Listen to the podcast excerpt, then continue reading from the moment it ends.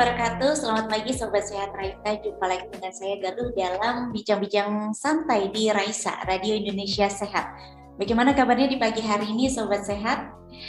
Semangat ya pagi hari ini karena ini hari Senin waktunya kita untuk membawa semangat karena untuk menjalani hari ini sampai dengan uh, hari Sabtu esok ya.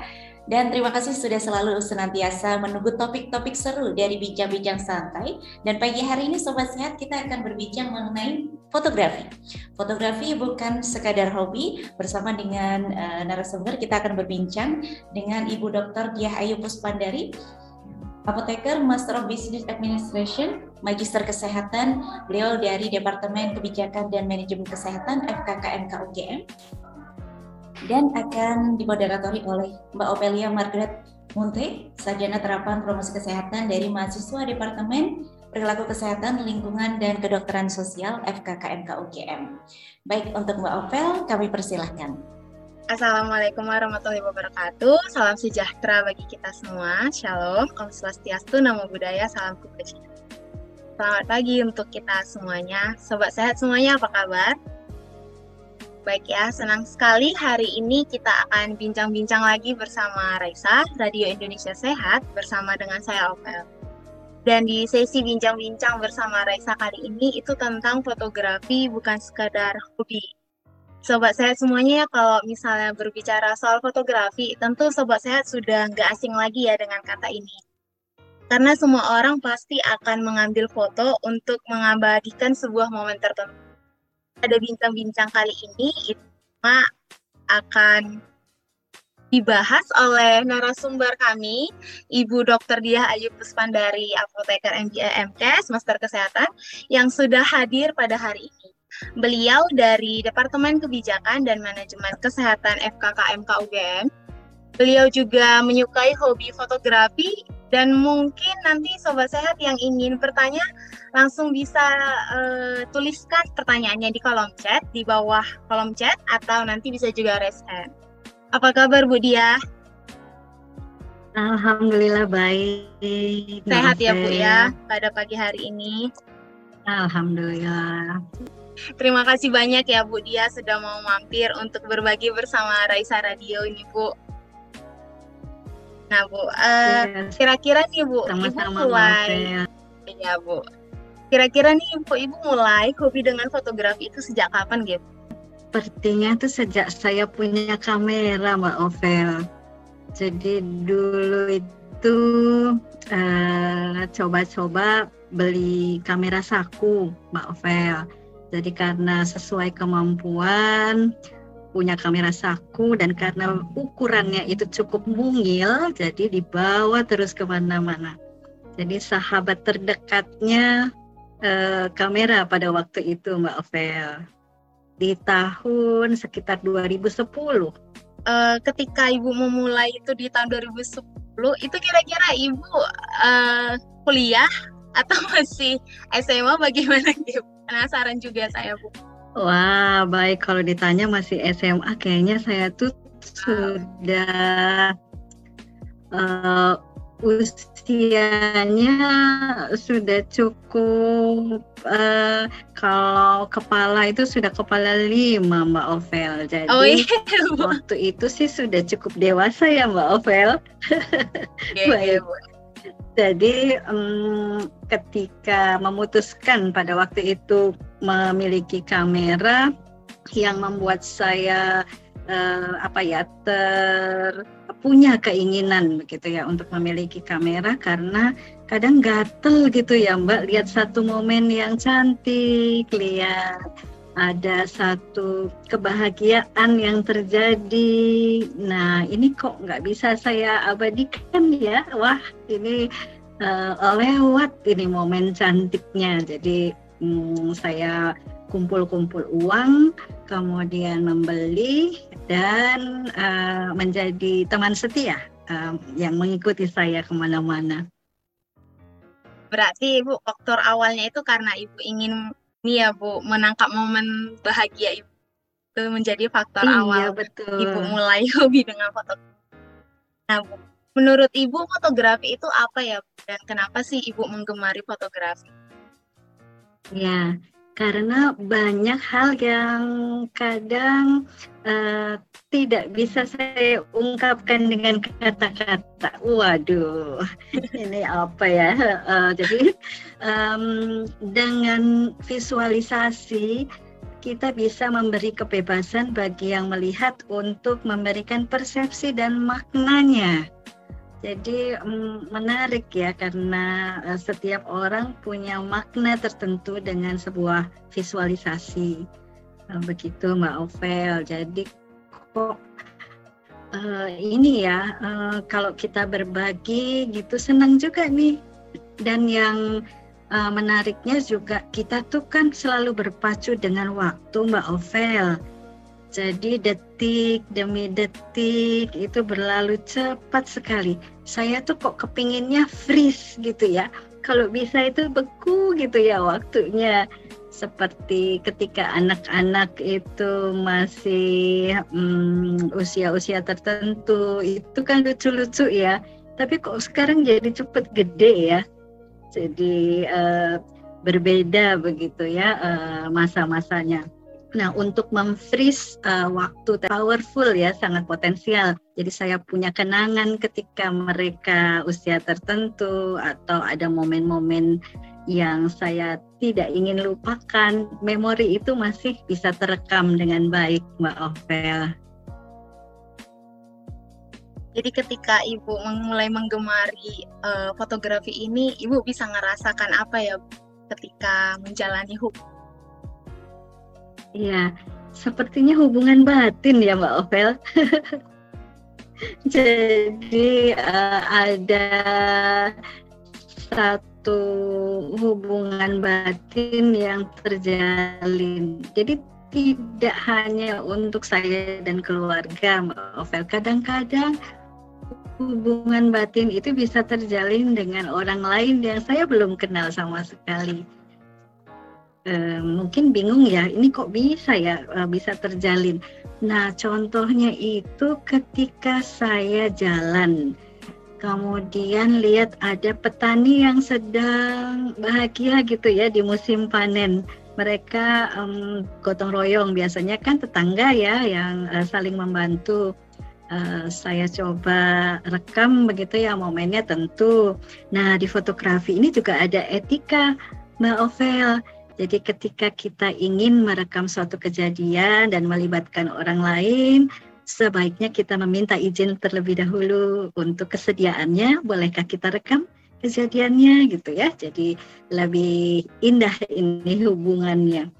Ketika itu saya lakukan, mereka tertawa senang dan bingung apa iya tuh kan kita ini jelek-jelek ya gitu kok bisa difoto? Ih enggak apa-apa karena senyumnya ibu-ibu dan bapak-bapak itu membuat hati saya semakin hangat gitu ya. Jadi uh, akhirnya terjadilah komunikasi dan saya diperbolehkan untuk merekam uh, kegiatan mereka saat itu. Dan uh, setelahnya saya buru-buru pergi ke tempat print. Jadi saya print fotonya Kemudian saya kembali ke tempat tadi saya mengambil foto dan saya berikan fotonya. Dan mereka tertawa lepas karena eh saya kok cakep juga ya gitu. Jadi terus yang lainnya, Bu ini kok cuma satu, ini disimpan oleh ibu ini saya tidak punya. Waduh, saya ngeprint lagi terpaksa ya eh, dengan senang hati tentunya dan terjalinlah komunikasi dan apa ya ada satu keakraban tersendiri dengan orang yang saya belum kenal sebelumnya. Demikian Mbak Ovel. Ya ya Bu, memang uh, saya juga sering mengalami itu ketika ada beberapa fotografer yang menawarkan untuk difoto ya saya senang hati apalagi dapat gratis ya Bu hasil cetakannya. Jadi secara tidak langsung terjalin komunikasi. Nah selain itu Bu uh, kira-kira uh, dalam fotografi Ibu tuh lebih suka mengambil apa ya Bu? Misalnya alam atau bagaimana Bu?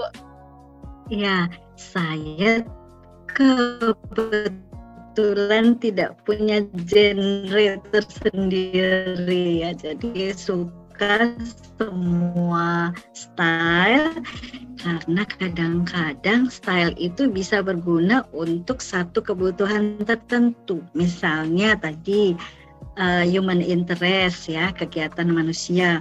Uh, nah, teman-teman mungkin uh, sering juga ya bikin presentasi nih PowerPoint. Nah, untuk buat PowerPoint itu uh, kita butuhkan visualisasi. Karena foto itu tidak jarang punya hak cipta Nah, kalau kita mengambil saja foto-foto orang dari hak cipta, jadi eh, paling aman kalau kita gunakan foto hasil jepretan kita sendiri. Nah, ini menarik nih.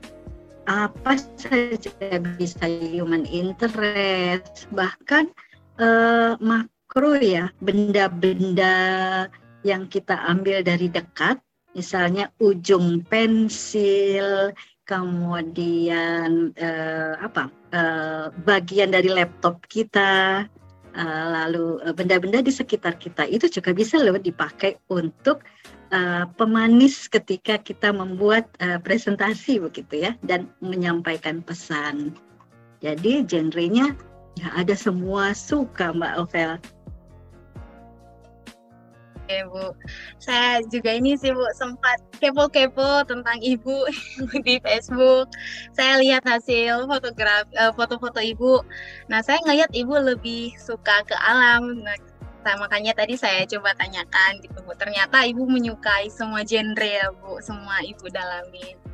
Luar biasa sih Ibu. Ibu kira-kira nih Bu uh, terkait dengan yang saya sudah kepo tentang iya, foto-foto iya, Ibu nih. Kira-kira Bu untuk mendapatkan momen tertentu yang menarik yang bisa diabadikan, apakah harus berlibur dulu nih Bu ke tempat wisata untuk bisa mendapatkan foto yang bagus Bu? Nah, terima kasih. Wah, ini judulnya hari ini dikepoin Mbak Ovel gitu ya. ya. Um, nah, untuk dapat momen bagus, kayaknya uh, ketika kita melangkahkan kaki Mbak Ovel. Jadi ketika kita melangkahkan kaki karena bisa indoor, bisa di seputar rumah kita kan pernah ya dalam waktu tertentu nggak boleh keluar-keluar nih Mbak Ovel. Kan bete banget ya kalau nggak bisa pergi-pergi karena mm, pembatasan ruang gerak. Nah, ketika terbatas ruang gerak, gar. Jadi saya cari-cari karena kan fotografi itu adalah foto dan grafis ya. Jadi melukis dengan cahaya. Jadi kita bisa berkreasi menggunakan cahaya alami maupun cahaya buatan serta um, sudut pengambilan, kemudian barang-barang yang tadinya eh, biasa-biasa uh, saja bisa kita buat lucu-lucu juga Mbak Ovel. Jadi sendok sama garpu uh, bersilangan terus dikasih um, sinar dari belakang sehingga membentuk siluet atau pengen kita buat bayangan, ih lucu-lucu juga ternyata nih.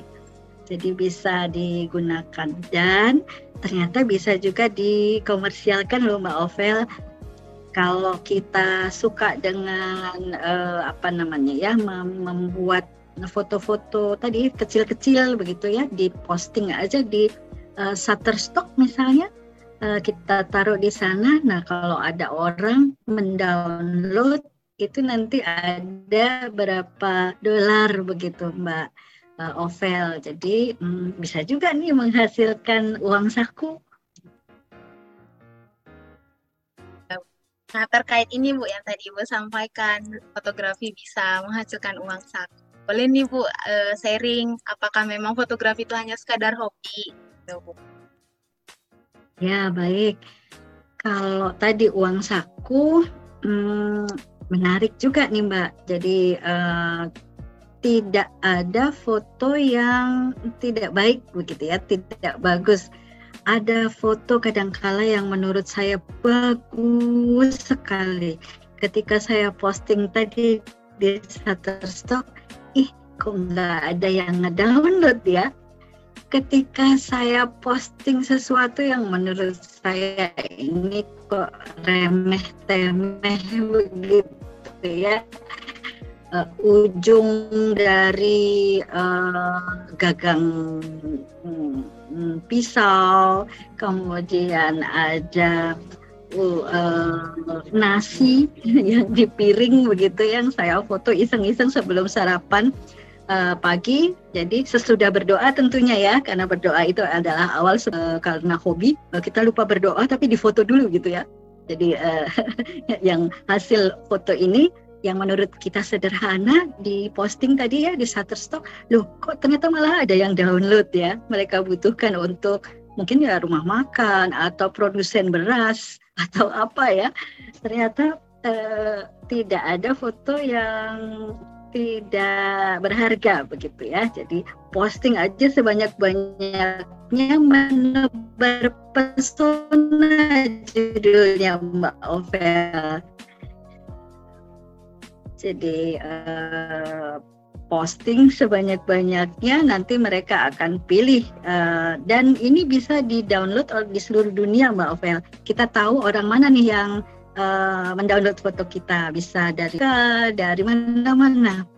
Jadi bisa digunakan tadi sebagai uh, tambahan uang saku dan kalau rajin ikut kompetisi, nah kompetisi ini juga lumayan menarik nih kalau uh, teman-teman uh, mengikuti ya Mbak Ovel.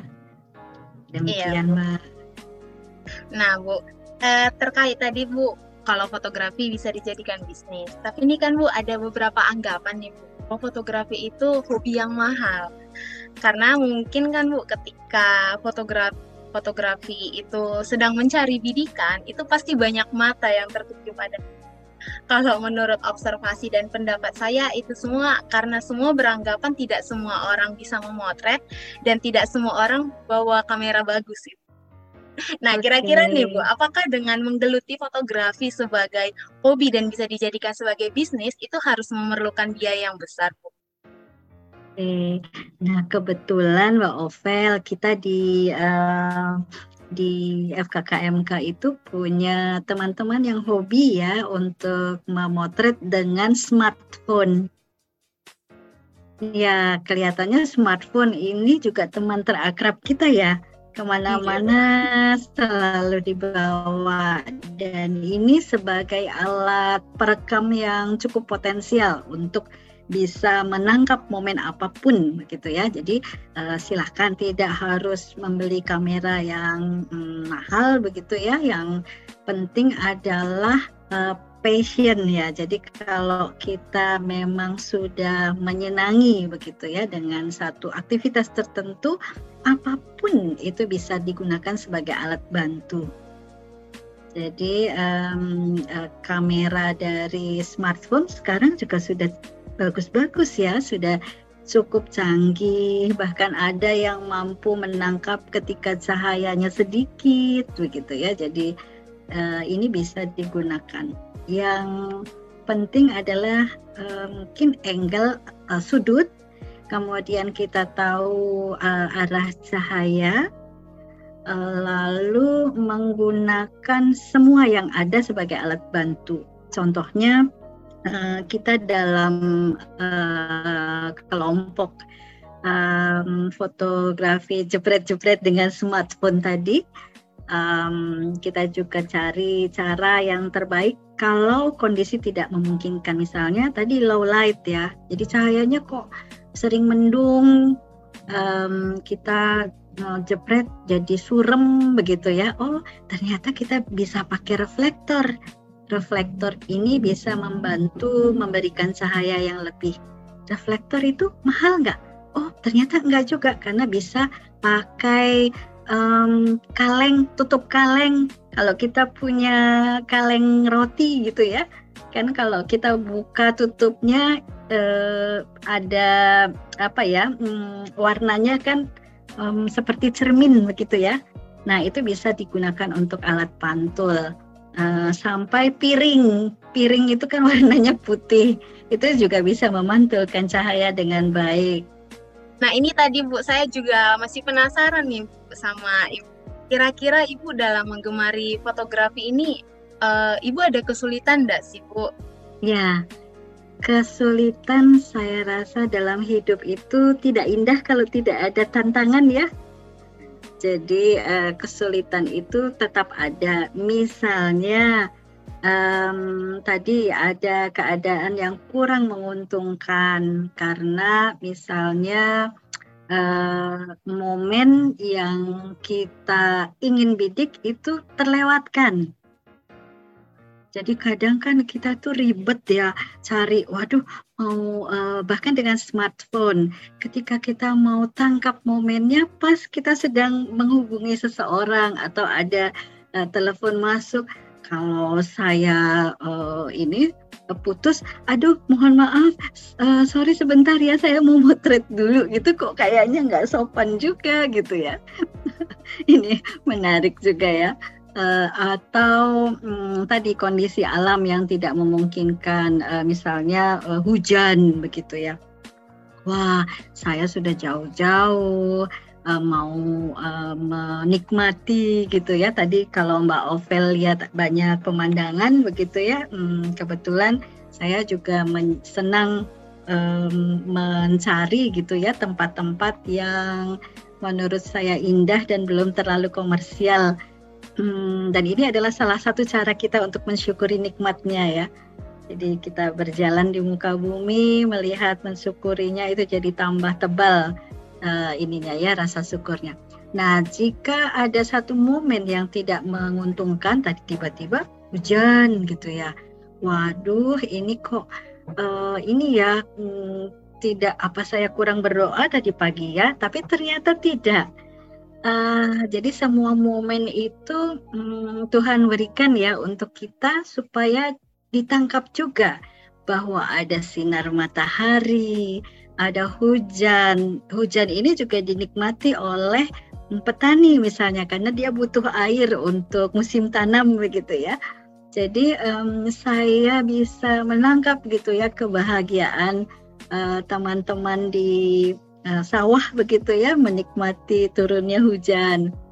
Kemudian juga saya bisa memotret titik-titik tetes-tetes yang jatuh gitu ya dari um, atap tempat saya berdiri. Oh ini cantik sekali ya.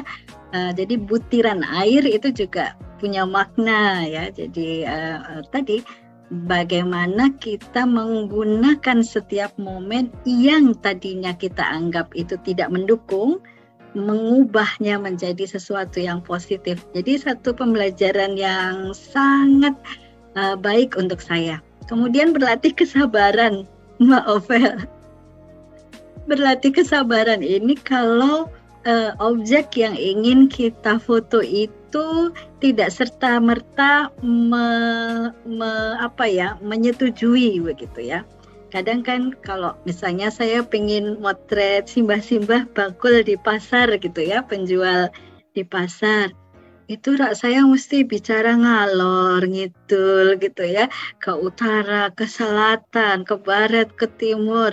Jadi sampai lumayan nih saya mesti ngurut-ngurut ini dulu uh, mulut gitu ya karena harus cerita. Terus kadang-kadang saya juga terpaksa ini terpaksa cari hmm, apa ya yang kira-kira bisa nyambung gitu idenya. Dan tidak te, ya terkadang juga saya bisa pulang bawa jagung rebus saya pulang bawa uh, kerupuk gitu ya karena tadi uh, interaksi dengan yang objek yang ingin saya ambil. Dan uh, ini yang bisa melatih kesabaran melatih komunikasi Mbak Ovel karena kita bisa berkomunikasi dengan strata masyarakat yang mm, bervariasi uh, dengan karakter yang bervariasi. Jadi mm, kayaknya kok nggak sepi dengan pembelajaran ya. Jadi um, menarik sekali. Ya Bu, berarti intinya tetap harus sabar. Bahkan Ibu juga berkorban ya sampai pipinya ini uh, karena kebanyakan komunikasi dengan warga-warga sekitar yang ingin dipotret. Iya. Nah, iya Bu. Nah, buat hmm. misalnya nih Bu, para peminat fotografi uh, untuk bisa meningkatkan skillnya tadi supaya bisa mendapatkan kebahagiaan tersendiri Itu kira-kira hmm. tips dan triknya apa ya, Bu? Kalau saya sih jangan takut untuk mulai atau untuk melakukan. Biasanya kan kita menunda sesuatu karena ingin yang perfect begitu ya. Ingin sesuatu yang menurut kita paling baik. Jadi eh, jangan menunda, mulai dari sekarang dan lakukan segera um, berlatih yang banyak Berarti bagi sobat sehat ini harus tetap berlatih, terus jangan menunda, terus berkarya ya Bu, mulai dari sekarang. Iya, betul. Uh, kira-kira uh, ada nih pepatah yang mengatakan Bu, kalau pekerjaan yang menyenangkan itu adalah hobi yang dibayar. Semisalnya fotografi ini Bu kita jadikan sebagai sumber pemasukan dan kita hubungkan dengan pekerjaan kita nih sobat saya sebagai tenaga kesehatan gitu Kira-kira Bu fotografi ini bisa dimanfaatkan sebagai apa ya Bu dalam dunia kesehatan? Hmm, Oke, okay. nah kalau kita di bidang kesehatan itu selalu bicara tentang evidence. Evidence itu kan buk, perlu bukti ya. Nah visualisasi ini juga bisa dijadikan evidence. Contohnya, bagaimana literasi masyarakat tentang physical distancing kan kita kepingin memberitahu banyak orang sejauh mana sih masyarakat paham tentang jaga jarak. Cuma satu loh tentang jaga jarak. Kita bisa foto nih apa yang terjadi di lapangan. Seperti apa ya masyarakat memaknai. Misalnya di tempat yang potensi kerumunan kan, seperti tempat-tempat publik saya misalnya pergi, saya coba aja cari pas malam mingguan gitu ya di alun-alun misalnya. Kayak apa ya orang di alun-alun itu? Kemudian apalagi yang lain, misalnya literasi atau pemahaman masyarakat tentang menggunakan masker. Eh, ternyata lucu juga ya masyarakat memahami memakai masker itu untuk menutup mulut karena ih, hidungnya masih kelihatan ya. Karena diturunkan ya. Atau misalnya malah menutupi dagu ya. Jadi eh, eh, de bertengger dengan cantik gitu ya di antara dagu dan leher. Jadi menarik ini. Uh, seperti apa literasi masyarakat uh, tentang tadi sehingga ini bisa dijadikan uh, uh, input untuk strategi kampanye. Jadi mana sih yang betul, mana yang belum benar gitu ya. Jadi foto ini bisa kita gunakan. Misalnya kalau uh, ada membandingkan dua yang betul dan yang belum betul gitu ya. Jadi kalau belum betul dikasih tanda silang gitu, tetot gitu ya kalau ada bunyinya. Kemudian uh, mungkin hal-hal lain kita bisa gunakan untuk advokasi. Advokasi ini kan perlu bukti juga. Misalnya untuk apa? Advokasi terhadap anggaran promosi kesehatan. Selama ini anggaran promosi kesehatan itu masih minimalis mungkin ya. Jadi caranya adalah kita masih butuh berkompetisi nih loh dengan kampanye uh, yang lain-lain, misalnya kampanye di jalan raya, misalnya di Jalan Kaliurang dari rumah saya ke FK, berapa billboard yang menyuarakan tentang uh, tadi kampanye hidup sehat. Saat dari satu jalan kayaknya belum ada nih, malah yang ada kampanye rokok ya yang banyak banget. Uh, jadi kalau saya hitung dengan jari, nanti saya jajarin aja itu foto billboardnya sepanjang jalan. Jadi sekian kilometer itu belum ada ya uh, info tentang uh, kesehatan. Artinya kita harus punya uang juga untuk berkompetisi. Kan berkompetisi itu juga perlu butuh anggaran ya untuk tadi supaya bisa masang billboardnya bareng-bareng. Nanti sudah dipasang billboard, billboardnya kesehatan itu terus udah dua tahun sampai warnanya kuning Sementara tetangganya sebelah yang billboard dengan tayangan uh, yang membuat problem kesehatan malah setiap bulan ganti. Ini kan juga uh, menarik mata gitu ya. Kan mata itu perlu sesuatu yang berubah-ubah gitu ya. Pesan itu tidak itu terus.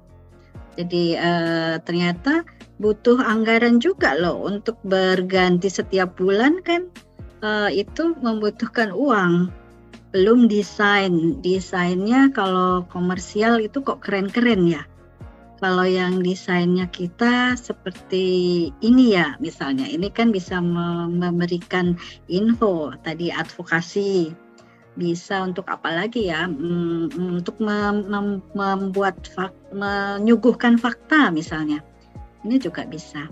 Jadi sangat-sangat berarti ini visualisasi terutama untuk membuat satu advokasi yang kita ingin meraih hatinya gitu ya.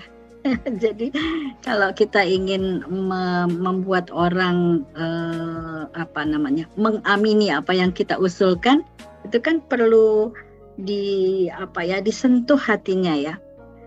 Jadi eh, seperti apa menyentuh hatinya itu lewat visualisasi. Ini juga salah satu cara yang potensial ya. Mm -mm. Itu Mbak Ovel. Oke Bu, baik. Mengingat uh, tadi kan Bu kalau fotografi ini bisa dijadikan bisnis, apalagi buat sobat yang sebagai tenaga kesehatannya, hmm. memanfaatkan bisa dijadikan untuk strategi kampanye ya. Nah kira-kira nih Bu, mengingat fotografer di Indonesia ini kan udah sangat banyak untuk bisa melangkah ke bisnis fotografi nih sebaiknya kita perlu memikirkan uh, bagaimana ya Bu supaya bisa caranya bersaing dengan fotografer yang lainnya Bu. Karena kalau hmm. ingin menjadi fotografer yang sukses kan Bu, kita harus ada manajemen ya Bu, manajemen fotografi. Hmm. Nah, itu kira-kira apa ya Bu yang perlu dimiliki dan diperdalam? Hmm, Oke, okay. wah ini pertanyaan yang dalam, lebar begitu ya, Mbak Ovel. Terima kasih. Uh, kalau kita ingin bersaing, mungkin yang perlu kita tetapkan adalah kekhasan dari kita atau uh, objek yang ingin kita fokuskan. Misalnya, Mbak Ovel, kita di dunia kesehatan, kan belum banyak ini fotografer yang menggeluti pesan-pesan kesehatan. Nah, ini bisa dijadikan kekuatan kita. Misalnya, kita bisa membantu banyak pihak untuk menyampaikan pesan-pesan kesehatan. Nah, kita kan dekat nih dengan sarana fasilitas kesehatan dan mudah untuk kita bisa menggunakan kedekatan kita dengan insan-insan um, yang menggeluti bidang kesehatan. Nah, ini satu uh, keuntungan untuk kita. Misalnya kita bisa membantu untuk selain pesan kesehatan, kita juga bisa membantu dengan uh, fotografi untuk melakukan kritik dengan santun misalnya ya. Nah, bagaimana membuat satu kritikan dengan santun lewat uh, foto? Misalnya saja uh, apakah kita sudah cukup melakukan olah tubuh di masa-masa pandemi? Karena kita kan kebanyakan jadi sedentary ya.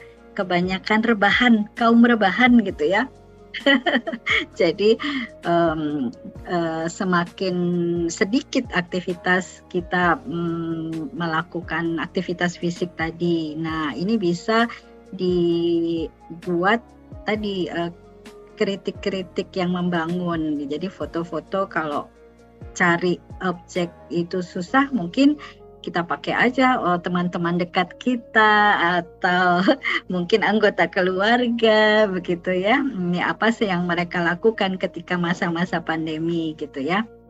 Nah, ini yang uh, konsumsi misalnya apa sih yang dikonsumsi oleh uh, kita dan keluarga kita di masa pandemi dengan adanya masakan uh, yang siap antar dan siap saji tadi ya. Jadi uh, mungkin mengubah pola makan itu ya jadi uh, lebih mungkin bisa lebih sehat atau bisa menjadi lebih tidak sehat itu yang bisa kita sampaikan. Jadi uh, kita ambil saja di mana sisi-sisi yang um, banyak peluangnya. Mbak Ovel. Kalau tadi uh, tidak cuma kita motret alam, tetapi kita bisa gunakan keahlian ini untuk uh, sekalian mengkampanyekan hidup sehat atau um, me, me, mencari peluang karena kan banyak nih program-program kesehatan untuk membuat flyer gitu misalnya. Ini flyernya Raisa uh, ini kan ngambil dari mana misalnya. Nah, ini kan sebetulnya bisa kita ambil dari foto-foto kita sendiri gitu ya, yang uh, bisa kita gunakan. Nah, membuat flyer itu juga kan uh, bisa dijadikan mata pencaharian ya. Jadi uh, jadi desainer flyer kesehatan begitu ya. Hmm, ini kan menarik nih. Contohnya apa sih flyer kesehatan yang belum banyak digeluti itu adalah bagaimana mengajak anak-anak suka makan sayur. Uh, suka makan sayur kan nggak bisa cuman dimasakin terus anak suruh makan sendiri begitu ya. Pasti mereka memilih nih yang lebih banyak di iklan uh, itu yang membuat uh, minum juga pakai boba-bobaan gitu ya atau apalagi yang lain. Nah, ini kan yang mendorong seseorang untuk melakukan konsumsi gitu ya. Nah, kenapa tidak kita juga membuat flyer-flyer yang mendorong orang mengkonsumsi juga yang sehat dan ini bisa jadi trendsetter gitu ya bahwa uh, keren loh kalau kita banyak makan sayur gitu dan anak-anak bisa diberikan ini bisa kita bisa kasih tahu orang tua bagaimana menata sayur di piring. Misalnya, jadi anak-anak senang nih mau makan uh, piring itu bisa bercerita. Jadi seperti misalnya anak-anak uh, uh, saya ketika anak-anak kecil saya bercerita bahwa makan brokoli, makan uh, kembang kol itu seperti pohon. Jadi kita bercerita, ayo pohonnya kita makan, am gitu ya. Terus uh, makan apa lagi yang lain karena uh, kebiasaan dari kecil ini akan dibawa terus ketika mereka remaja. Jadi pendidikan awal uh, ini sangat berarti. Caranya gimana? Kan tidak semua orang tua tahu uh, pola asuh ini bisa dari eh, foto-foto ya, memberikan ide-ide bagaimana menyajikan makanan di piring gitu ya, sehingga anak-anak senang untuk sayur. Uh, dia bisa bercerita ada Bapak Timun, ada Ibu wortel begitu ya. Jadi kita jadikan pesan-pesan. Kemudian apalagi kritik-kritik misalnya ini tidak semua kantor punya pojok laktasi uh, ini caranya gimana ya menyampaikan pesannya. Nah, kita bisa lihat mungkin kalau ada satu kantor ibu yang hmm, kesulitan gitu ketika membawa uh, bayinya ke kantor, kemudian di mana ini ditaruh ya? Karena kebetulan kan nggak ada daycare itu cukup mahal misalnya ya pengeluaran ekstra, kemudian dititipi juga eyangnya jauh di luar kota. Nah, ini seperti apa nih e, cara sebuah fasilitas itu bisa mm, tetap mengusung ASI eksklusif gitu ya. Nah, caranya kan juga memberikan fasilitas gitu ya untuk bisa tadi ada pojok laktasi kalau mereka membawa anak, ada daycare-nya juga jika e, banyak ibu-ibu muda yang punya anak uh, dan mereka harus menitipkan anaknya. Ini kadang kan uh, terlupakan gitu ya. Uh, kita gembar-gemborkan ASI eksklusif, tapi fasilitas apa nih yang mendukung? Kemudian apalagi ya, uh, uh, bisa memanfaatkan ruang yang ada di sulap gitu ya. Jadi nggak perlu membangun baru, tapi bagaimana mengkondisikan ruangan menjadi ruang standar untuk laktasi misalnya dan lain sebagainya. Jadi uh, foto itu menurut saya punya power ya uh, untuk bisa menjadi kritik, bisa mengunggah, menyadarkan ya awareness bahwa eh iya ya ternyata uh, di kantor itu kita kurang melakukan olah tubuh ya. Jadi bisa juga nih misalnya foto peregangan di jam berapa gitu ya. Peregangan dilakukan di jam-jam tertentu yang pakai cukup duduk di kursi aja atau menggunakan meja uh, meja kantor gitu ya atau kursi uh, untuk alat bantu. Terus juga misalnya kita duduk seharian, ternyata kursi itu nggak ergonomis. Nah, gimana merubah kursi yang kita punya menjadi lebih baik gitu ya untuk duduk lebih dari tiga jam, 4 jam begitu. Nah, ini juga mungkin hmm, ada tips and trick pakai foto gitu ya. Nah, ini pakai aja kursi yang udah ada ditambahin apa ya? Wah ternyata ditambahin bantal kecil gitu ya di bagian pinggang uh, dan lain sebagainya. Jadi uh, banyak gitu ya uh, bisa memberikan ide-ide bisa mengkritisi bisa membangun awareness. Dan ini semua bisa diuangkan juga loh mbak uh, Ovel lewat um, sekarang kan program-program di institusi itu banyak ya uh, dan itu ada anggarannya. Nah, peluangnya adalah menjadi tadi mungkin uh, yang bisa memproduksi memproduksi material-material yang dibutuhkan uh, sesuai dengan tujuan dari program-programnya. Jadi dan belum banyak yang punya uh, fokus gitu ya di sini. Begitu, Mbak Ovel? ya Bu. Iya Bu, berarti kita memang harus pandai cari-cari peluang ya Bu, harus kerja keras cari karena foto ini punya fotografi ini punya power sendiri apalagi dalam promosi kesehatan ya Bu. Jarang juga. Iya, betul. Jadi kalau misalnya sobat sehat nih kerja keras mencari sisi peluang mana yang bisa membuat kita berbeda dengan yang lainnya, pasti uh, berhasil ya Bu, karena kerja keras nggak akan mengkhianati hasil. Jadi uh, pokoknya jangan takut untuk bekerja dengan totalitas ya Bu. Oke, ini ada pertanyaan nih Bu dari Sobat Sehat. Saya bantu bacakan nih. Pagi Bu Dia mau bertanya.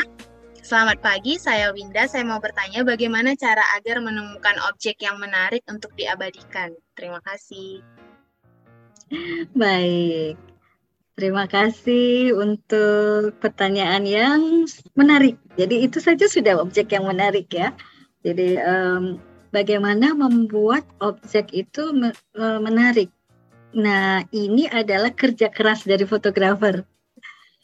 Bagaimana membuat hal yang sederhana membuat dia menjadi lebih menarik. Seperti tadi ya cerita kok sendok sama garpu aja bisa ya. Jadi uh, jadi objek yang menarik. Kemudian uh, ujung dari um, pensil tadi ya ternyata juga bisa menarik. Kemudian uh, tetesan air.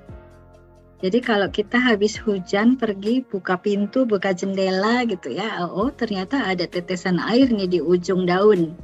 Eh menarik juga ternyata kalau kita uh, abadikan karena uh, apa ada pantulan begitu ya dari butiran embun tadi ya butiran air Kemudian ada lagi apa ya, hmm, bisa ekspresi.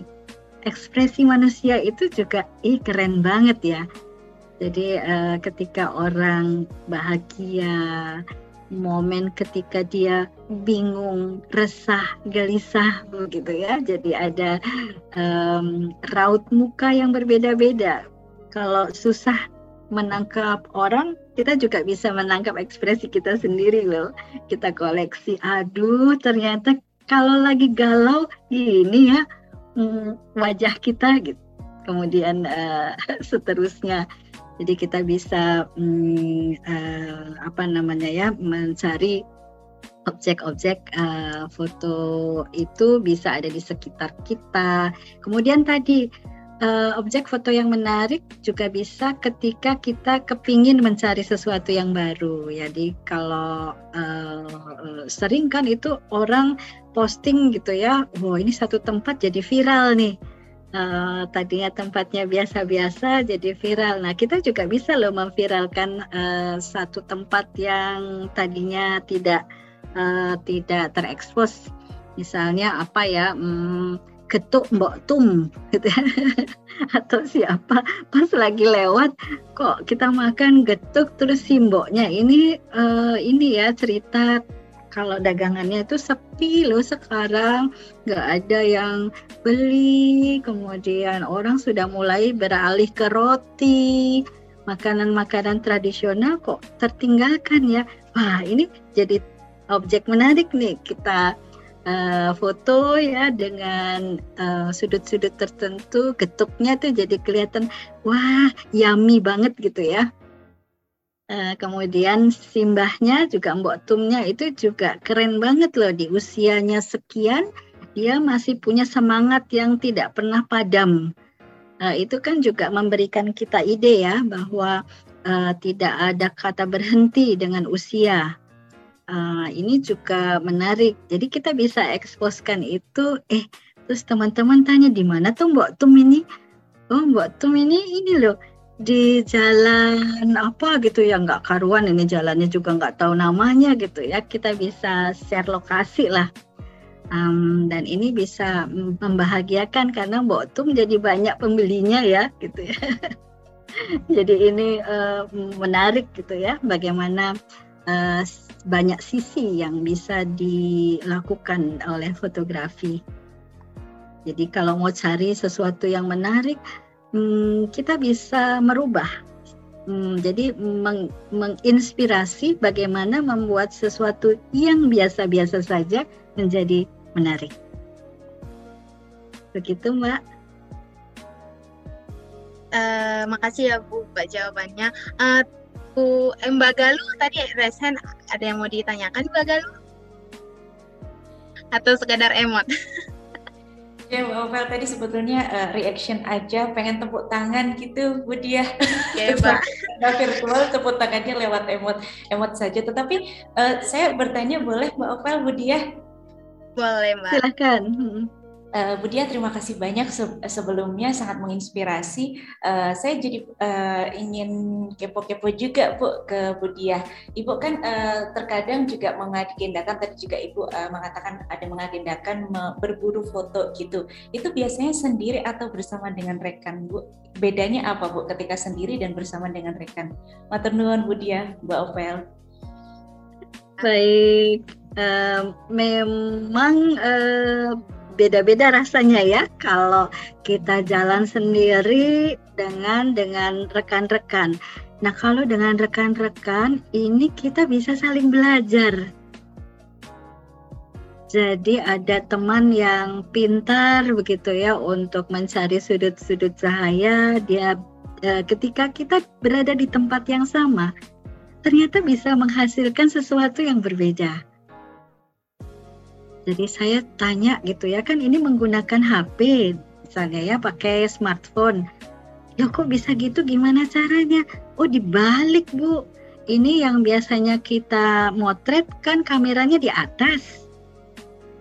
Jadi kalau mau mendapatkan um, apa ya kesan bahwa dia itu jadi uh, lebih lebih besar, lebih berwibawa, lebih keren tuh dibalik kameranya. Jadi uh, kamera yang biasa saya uh, ini uh, di begini gitu ya, terus saya balik jadi begini. Uh, jadi kameranya ada di bawah. Oh, begitu ya. Terus itu namanya apa? Oh, jadi frog eye. Jadi kita memotret itu dengan mata kodok jadi kodok itu kalau ngelihat dari bawah ke atas karena mereka kan rendah. Oh iya, jadi saya dapat pelajaran yang baru lagi kan dari teman-teman. Kalau kita sendiri, kita pakai style kita aja. Um, kemudian yang satunya lagi, lo kok motretnya gitu tuh pakai dicantolin di kayak stick begitu ya, kayak apa namanya? Hmm, kalau kita pakai selfie-selfiean itu kan ada tongsis. Nah, tongsis biasanya kan saya gunakan untuk motret saya sendiri gitu ya. Jadi ditaruh gitu di tongsis, terus saya gunakan untuk motret saya sendiri. Ternyata tongsis bisa digunakan untuk memotret ketika uh, saya ingin mendapatkan efek seperti mata burung. Kalau mata burung itu kan burung uh, di atas dari objeknya. Jadi kan nggak mungkin saya naik pohon gitu ya. Uh, saya juga nggak pinter manjat gitu ya. Jadi um, ininya HP-nya ditaruh di tongsis bisa diambil begitu ya pakai timer. kita ambil timer yang paling lama gitu 10 kemudian saya naikkan ke atas uh, saya coba-coba lihat dulu nih ke atas begitu ya. Oh ternyata uh, bagus juga nih. Uh, baru saya uh, cepret oh ternyata iya juga ya efeknya beda dengan objek yang sama. Jadi saya dapat lagi yang lain. Wah ternyata tongsis juga bisa digunakan ya sebagai uh, alat untuk menaikkan uh, apa ya meninggikan uh, kamera. Jadi itu uh, uh, macam-macam yang kita peroleh ketika bersama-sama. Jadi kalau sendiri itu juga nggak ada jeleknya karena kita kadang ingin mengeksplor lebih gitu ya atau kita ingin mendapatkan inspirasi apa ya gitu saya jalan aja sendiri karena nunggu bareng-bareng kan itu nunggu waktu yang semua bisa Nah, kadang-kadang susah juga nih mencari waktu yang semua bisa.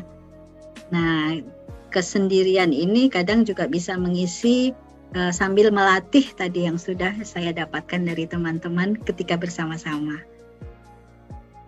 Begitu? Matur nuwun Budia. Sama-sama. Berarti Bu kalau bisa saya ambil kesimpulan ya Bu dari bincang-bincang santai hari ini bahwa itu sebuah keindahan dari setiap kejadian yang sangat berarti. Sehingga dari fotografi ibu juga bisa berkomunikasi dengan lainnya dan ibu juga bisa merasakan Kemudian fotografi ini juga selain jadi kita sebagai bisnis ya Bu, asalkan kita tetap sabar, tetap bulat, berkorban, kerja keras dan untuk berkarya dan bagi sobat saya jangan langsung down kalau misalnya para peminat fotografi nih belum memiliki kamera yang bagus karena masih ada jalan keluar ya Bu, yaitu smartphone yang sekarang lagi banyak diburu. Nah, dan ditambah mungkin beberapa teknik lainnya ya Bu yang bisa mendukung pengambilan dari smartphone. Intinya sobat saya tetap banyak belajar dalam meminati dunia fotografi. Tapi bagi sobat sehat yang mau berbisnis melalui fotografi perlu untuk menabung deh Bu agar punya anggaran supaya bisa bersaing dengan fotografer lainnya di dunia bisnis fotografi. Nah, bagi sobat sehat yang punya hobi nih dengan fotografi, pokoknya harus tetap ditekuni, jangan menunda terus, dimulai terus dari sekarang karena peluang fotografi dalam dunia kesehatan untuk jadikan bisnis itu sangat besar seperti yang tadi disampaikan oleh Budia dan masih sangat jarang ya Bu. Jadi bisa dijadikan input untuk kita di dalam dunia kesehatan supaya bisa memberikan strategi kampanye terutama di dalam promosi kesehatan ya Bu. Nah, terima kasih buat sobat sehat semuanya yang sudah bergabung bersama kami bersama Raisa pada hari ini dan bincang-bincang hari ini sudah terlaksana dengan baik kami ucapkan terima kasih kepada narasumber kita pada hari ini, Ibu Dr. Diah Ayu Puspan dari Apoteker Master Business of Administrasi, Master Kesehatan. Dan juga terima kasih juga kepada seluruh sobat sehat sebagai audiens yang sudah menyimak dengan antusias bincang-bincang kita pada hari ini. Boleh applause dulu ya untuk sobat sehat semuanya dan untuk narasumber kita hari ini. Ya, terima kasih juga Mbak Ove dan semuanya ya Mbak. Ini uh, apa namanya ya uh, satu momen bahagia di awal hari mengawali hari mudah-mudahan ini juga menjadikan spirit kita um, mulai sekarang dan ke depan untuk selalu uh, riang gembira berbagi manfaat menebar bahagia kepada semua orang. Oke, Bu. Terima kasih ya, Ibu. Ya. Terima kasih. Akhirnya saya Opelia pamit undur diri. Terima kasih atas perhatiannya. Wassalamualaikum warahmatullahi wabarakatuh. Shalom, selamat sehat untuk kita semuanya. Baik, luar biasa. Terima kasih banyak Mbak Opel dan juga terima kasih banyak Bu Dia sudah berkenan untuk berbagi di pagi hari ini. Sangat menginspirasi ya Sobat Sehat ya. Ternyata memang fotografi bukan hanya sekadar hobi, melainkan juga banyak manfaatnya untuk diri sendiri, untuk orang lain, dan yang menarik adalah saat Budia tadi mengungkap bahwa momen itu adalah menangkap momen itu adalah proses menemukan makna tadi ya. Dan bagaimana kita memaknai kehidupan, momen yang silih berganti kita manfaatkan dan kita nikmati. Dan fotografi juga merupakan sarana untuk ladang berbuat kebaikan juga. Terima kasih banyak Budia dan juga Mbak Opel. Sehat selalu Budia, Mbak Opel. Dan demikian bincang-bincang santai di pagi hari ini Sobat Sehat. Terima kasih banyak atas kebersamaan Anda. Dan saya Nigaluh mohon pamit undur diri. Mohon maaf apabila ada kesalahan kata. Wassalamualaikum warahmatullahi wabarakatuh.